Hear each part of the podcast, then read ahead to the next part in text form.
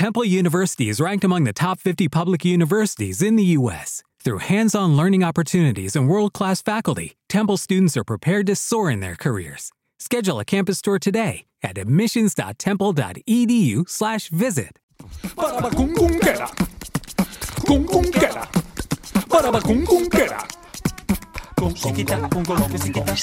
Os humanos temos a capacidade de recoñecer a unha persoa só escoitando a súa voz.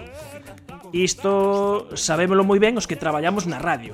De cando en cando alguén che recoñece na rúa con tan só dicir unha frase.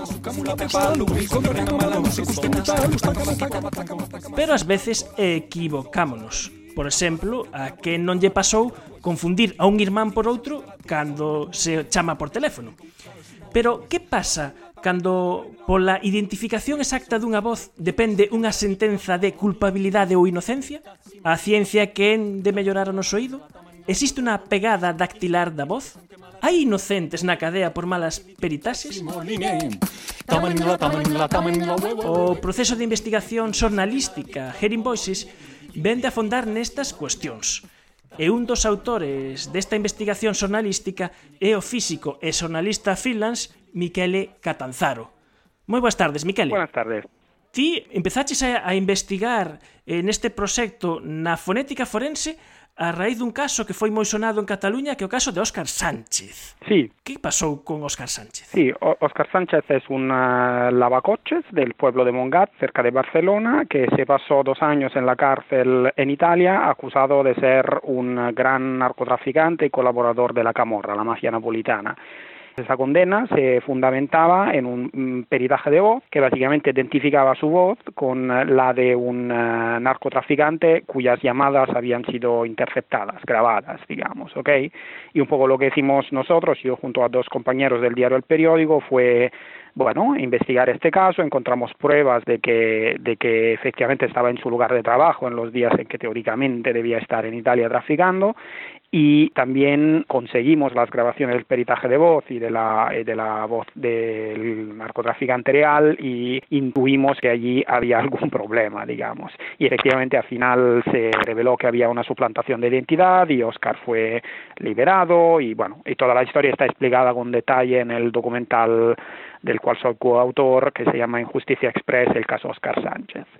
Y un poco a raíz de eso me quedó la curiosidad de cómo había sido posible, digamos, que se fallara tanto en el peritaje de voz hasta el punto de condenar a una persona a 15 años.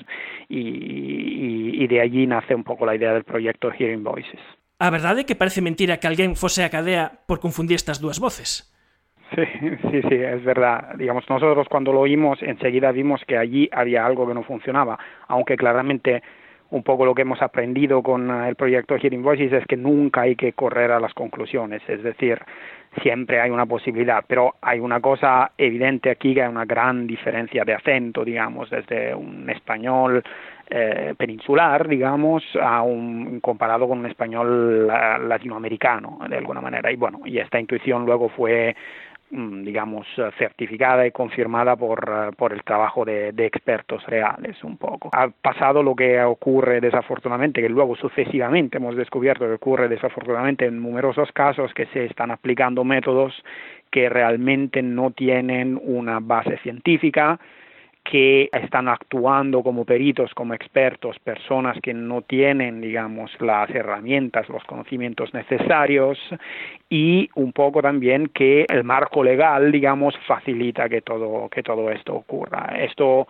entonces no lo sabíamos, digamos, pero luego hablando con expertos, investigando decenas de otros casos y profundizando en el tema, hemos encontrado incluso evidencia estadística de que hay mucha pseudociencia, digamos, de alguna manera en, uh, en los tribunales, en este doctor, al lado de trabajos absolutamente rigurosos y de, de gran valor, que pero los jueces a veces ponen en el mismo eh, plato, digamos, de la balanza con trabajos eh, faltos totalmente de, de, de, base científica. En este proxecto de investigación sonalística detectastes dúcias de casos ao longo fundamentalmente de Europa no que as probas de voz son controvertidas, casos nos que aparecen como peritos desde DJs a xente eh, non cualificada, pero tamén está a outra cara da moeda que si hai científicos científicos que son eh, profesionais de identificación forense da voz, como é o caso de Jordi Cicres, que é doutor en Lingüística Aplicada e directorio do Laboratorio de Lingüística Forense da Universidade de Pompeu Fabra. Moi boas tardes, Jordi. Hola, buenas tardes. Coido que vos coñecestes volos dous no caso de Óscar Sánchez, Seica. Uh, bueno, nos conocimos a raíz de Miquele, que aprovecho para, por saludarte. Hola. A raíz del caso de, de Óscar Sánchez, que bueno parecía que era evidente a oídas de pues, los periodistas en este caso uh, que aquí había un problema con la identificación de voces. Entonces contactaron con nosotros para que hiciéramos uno de los en realidad muchos peritajes que se hicieron para uh, contrarrestar el primer peritaje del perito italiano que sí identificó las voces. Fuimos a Nápoles para obtener muestras de voz de, de Oscar Sánchez uh, reales y para poder compararlas con, las, con la voz que estaba en las grabaciones interceptadas por la policía. Y bueno, vimos claramente que, que, aquí había realmente un problema, que el dictamen inicial que identificaba las voces estaba realmente muy mal hecho. E cal es o procedimiento para identificar voces? Que metodoloxía se utiliza eh, para facer esa comparación de voces? É unha cuestión de que o experto ten bo oído hai ferramentas informáticas que axudan e unha mistura das dúas cousas, está a experiencia do perito, como, como é o procedimento? De hecho, hai varios modos de, de llegar a hacer un análisis de comparación de voces. En nuestro caso, nosotros somos lingüistas, entonces nuestro enfoque es básicamente lingüístico. Ah, nosotros comparamos, obviamente, también aspectos acústicos de las voces y para esto no es suficiente tener un buen oído, hay que tener herramientas informáticas de análisis acústico que son muy precisas y que nos permite ver, entre muchas comillas, lo que sería una radiografía, vamos a decirlo así, de la voz y al mismo tiempo lo que hacemos es comparar los aspectos lingüísticos, es decir, el uso de la lengua por parte de estos hablantes. Hay una metáfora, digamos, que ha hecho mucho daño en este sector, que es la metáfora de la huella vocal, de la huella dactilar vocal, es decir, la idea de que un experto pueda asociar, digamos, a una voz una, una, un conjunto de características tan detalladas como sería el ADN o la, o la huella dactilar. De hecho, no solo es una metáfora, había un sistema, en todos los años 60, un sistema que se llamaba VoicePrint, ¿no? la huella uh -huh. dactilar pilar vocal que tuvo mucho éxito hasta que se comprobó que tenía unos altos elementos de subjetividad, hay un informe muy claro de la Academia de Ciencias Americanas que lo descarta, y sin embargo eh, encontramos en nuestra investigación, cuando digo nuestra, ahora hablo de yo y otros tres compañeros de Francia, Alemania e Italia, que somos los que hemos llevado a cabo el proyecto Hearing Voices, encontramos uh, un estudio del Interpol en el cual se veía que prácticamente la mitad de los expertos internacionales de las policías aún utilizan herramientas análogas a las de la huella dactilar vocal. Y estos expertos están, como decir, en el mismo saco a, la, a los ojos de los jueces que los que utilizan herramientas muchísimo más uh, consolidadas uh, científicamente. La voz no es una huella dactilar, digamos. Además, porque ha salido aquí el tema del ADN. El ADN es idéntico uh, para la misma persona el día en que nace hasta el día que muere. En cambio, la voz obviamente cambia y cambia mmm, dependiendo de muchos factores. simplemente por el paso de la edad, pues la voz va cambiando, pero también si uno está cansado o está tranquilo, la voz es distinta, si uno uh, está enfermo o está sano, la voz es distinta, si uno habla de pista o despacio, la voz es distinta, y todo esto obviamente hace que esta metáfora de la de la imprenta tactilar como la imprenta de voz sea totalmente uh, inadecuada, ¿no?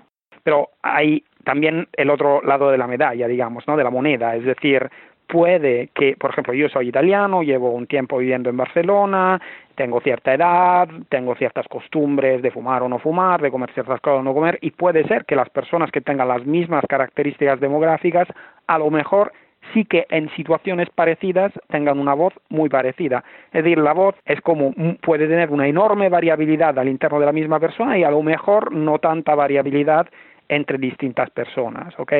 Y, eh, y, esto hace que sea un objeto muchísimo más complejo de tratar y es también muchísimo menos, digamos, resolutivo de cuánto puede ser el ADN o la huella dactilar, que además sabemos que incluso estos métodos tienen cierta, cierta posibilidad de error. Sí, sí, correcto. Quizá otro elemento, digamos, importante que hemos detectado, de, digamos, que es, un elemento un poco de alarma o de reflexión que hay que tomar en cuenta, es que, por ejemplo, muchos expertos lo que están utilizando no es solo métodos equivocados, sino incluso la manera en que presentan los datos, digamos, no es estadísticamente correcta. Entonces, uno podría pensar, por ejemplo, si dos voces son muy parecidas, pues será la misma persona, ¿no? Pero pongámonos en la situación de que encontramos dos huellas, dos huellas del pie muy parecidas, ¿no? Dos, el zapato del criminal es 38 y el zapato del eh, sospechoso es 38. Pero ¿cuántas personas hay que tienen zapato 38? Quiero decir que no es suficiente comparar el parecido entre las voces, también hay comparar, que tener en cuenta cuánto es prevalente, cuánto es eh, típica, digamos, el rasgo que estamos analizando en la voz. Y hay sistemas estadísticos para considerarlo, en particular, al menos desde el año pasado, la European Network of Forensic Science Institute ha establecido que cualquier rama de la forénsica debería utilizar la razón de verosimilitud o fuerza de la evidencia, un marco estadístico que tiene en cuenta la similitud, pero también la tipicidad, y sin embargo el sondeo del Interpol que citaba antes dice que esta magnitud, esta herramienta estadística, la usa menos que la mitad, digamos, de los expertos de las policías internacionales. Eh, esto es cierto, lo que pasa también es que hay otros factores que hay que tener en cuenta que te van a decir en las policías. Es que eh, para poder utilizar estos, estos sistemas eh, o esta, forma de expresar las conclusiones de modo probabilístico, eh, obviamente son necesarias enormes cantidades de bases de datos que permitan realmente comparar las, las voces estadísticamente. Por ejemplo, si tenemos una base de datos de grande, de 100.000 hablantes, y tenemos un una grabación de un sospechoso que presenta unas características muy determinadas, por ejemplo, pues es una persona muy mayor con ciertos problemas ah, con los dientes, con no sé, ¿eh? una serie de características. ¿Cuánta de esta gente que similar al sospechoso tenemos en la base de datos? Porque lo que no se puede hacer es comparar ah, manzanas con melones, porque eh, es decir, estos sistemas estadísticos que obviamente funcionan y funcionan muy bien y, es la mejor forma de presentar los resultados, aunque luego también hay que saber saberlos explicar al juez o al jurado o al tribunal para que realmente los entiendan. Y entonces en muchas ocasiones, por ejemplo la misma policía española, eh, no hay, no tienen eh, datos suficientes para utilizarlos. Entonces la alternativa es normalmente o no podemos hacer nada o podemos hacer algo, pero con todas estas limitaciones. Aquí yo creo que la clave está en explicar exactamente cuáles son las limitaciones que hay y cuál es el enfoque y la metodología utilizada. El enfoque lingüístico sirve para mm, apoyar una idea, pero nunca va a ser suficiente o por lo menos por ahora nunca va a ser suficiente eh, para realmente llegar a condenar, aunque sí puede servir para establecer una duda o, algún criterio para que el juez pueda decidir, pues, a ver, eh, la evidencia para condenar a esta persona, eso no es suficiente. Sí. Además, mm, quería también hacer un apunte sobre lo que observaba el doctor Sigres antes, la, el hecho de que la simple oída, digamos, la simple escucha no es una herramienta, digamos, libre de errores. Eh, hemos encontrado muchos casos, por ejemplo, de algo tan sencillo como transcribir un texto y en la transcripción hay errores. Es decir, ahí tenemos eh, una frase que supuestamente ha dicho la persona y que a lo mejor es una frase que le puede llevar a ser incriminada. Hay un caso muy famoso neozelandés, el caso de David Bain, en que se transcribió una frase pronunciada en una llamada de emergencia como si él estuviera confesando un crimen, digamos, y sencillamente esa frase no existía, digamos, o, o probablemente la persona estaba diciendo sencillamente que no podía respirar, digamos, esto se tradujo como lo he matado, digamos, ¿no? Eh, es decir que hay que hay que realmente tener mucho cuidado, digamos.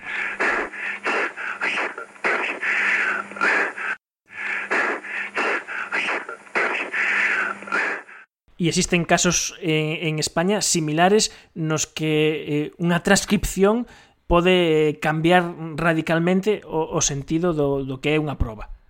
Sí, sí. El caso que se me ocurre más reciente es un caso que además eh, en este momento es de actualidad, digamos, el caso de Juan Andrés Benítez, un empresario eh, del Gay Chample, del, eh, del Raval, del, del, de Barcelona, que fue, bueno, que murió tras una intervención muy polémica y muy violenta, digamos, de la, de la policía, de los Mossos de Escuadra en el Raval. Um, y bueno, hay el juicio en, mar en marcha y hubo un problema, digamos, en esta historia. El Juan Andrés Benítez, justo antes de la intervención, hizo una llamada a la Guardia Urbana, si no me equivoco, y esta llamada fue transcribida en las fases iniciales del juicio y en, una, un punto Benítez supuestamente decía estoy quedando. A lo largo del juicio se puso de manifiesto que en realidad lo que estaba diciendo era estoy sangrando. Y esto fue utilizado, digamos, sobre todo por la defensa de los Mossos de Escuadra, diciendo, mirad, estaba sangrando antes, entonces eh, no, no ha sido la intervención de los Mossos la que ha causado eh, la muerte. Evidentemente, si lo ha sido o no, aún está bajo, digamos, juicio pero esto nos enseña, digamos, de cuánto es delicado el asunto, de cuánto una transcripción, digamos, mal hecha puede luego tener una historia dentro de un juicio muy, muy controvertida, digamos. 99 a Barcelona, bona nit. Hola. ¿Puedo, ¿Pueden venir a la calle Aurora? ¿Aurora qué número? ¿El motivo? Tengo un ladrón en casa. ¿Tiene qué? Un ladrón, que lo he cogido dentro. ¿Está dentro? ¿En qué piso? ¿Y la familia está aquí? ¿En qué piso, por favor? En el segundo primera. Segundo primera. ¿Usted se encuentra bien? No, no, no. Nos hemos peleado. Estoy sangrando. Nos hemos peleado. Estoy sangrando.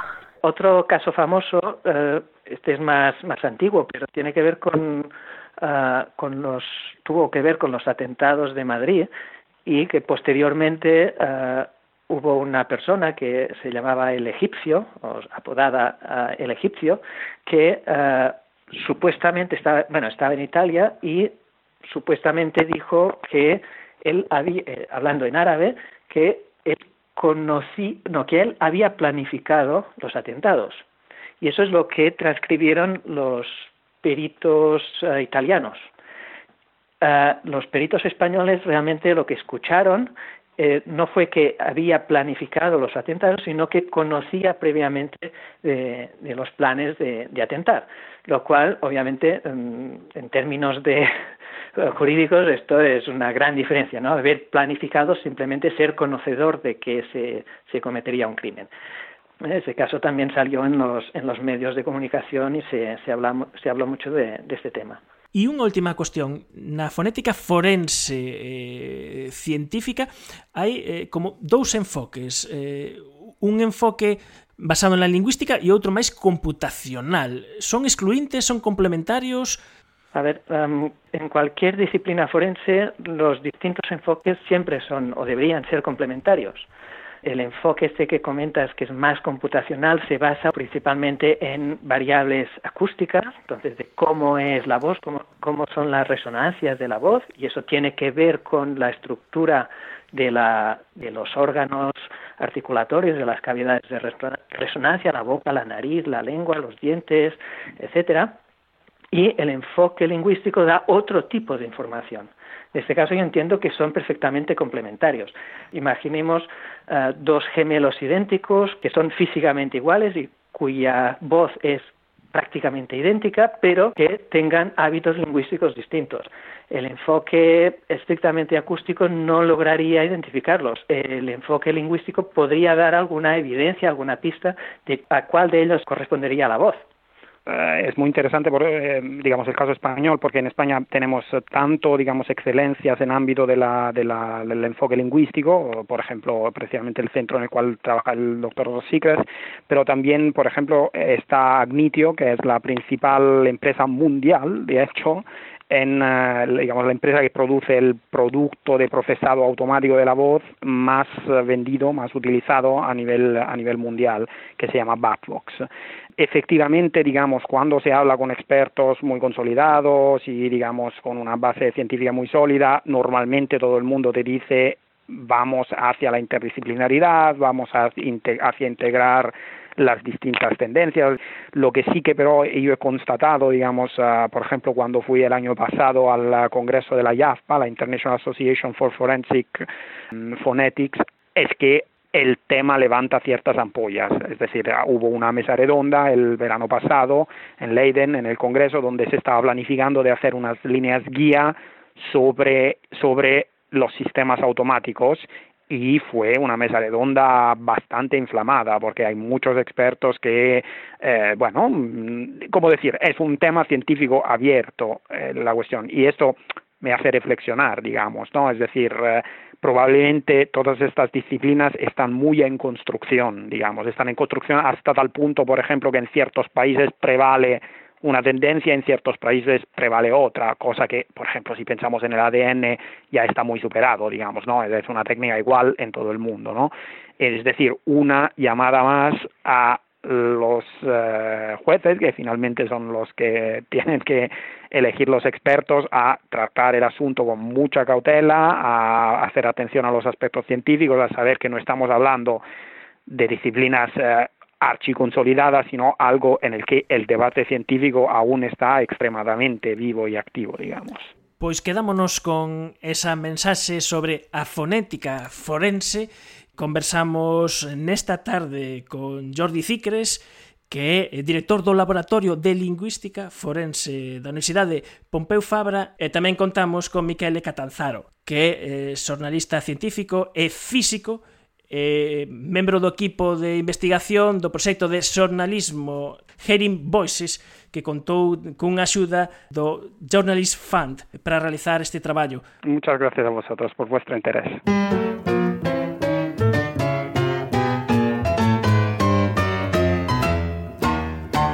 Efervesciencia. Patrocinado pola FECIT, Fundación Española para a Ciencia e a Tecnoloxía, Ministerio de Economía e Competitividade, unha colaboración da Universidade de Santiago e a Radio Galega. Agardamos que vos teña gustado esta edición efervescente. Escoitámonos o vindeiro domingo ás 3 da tarde na Radio Galega. Adeus.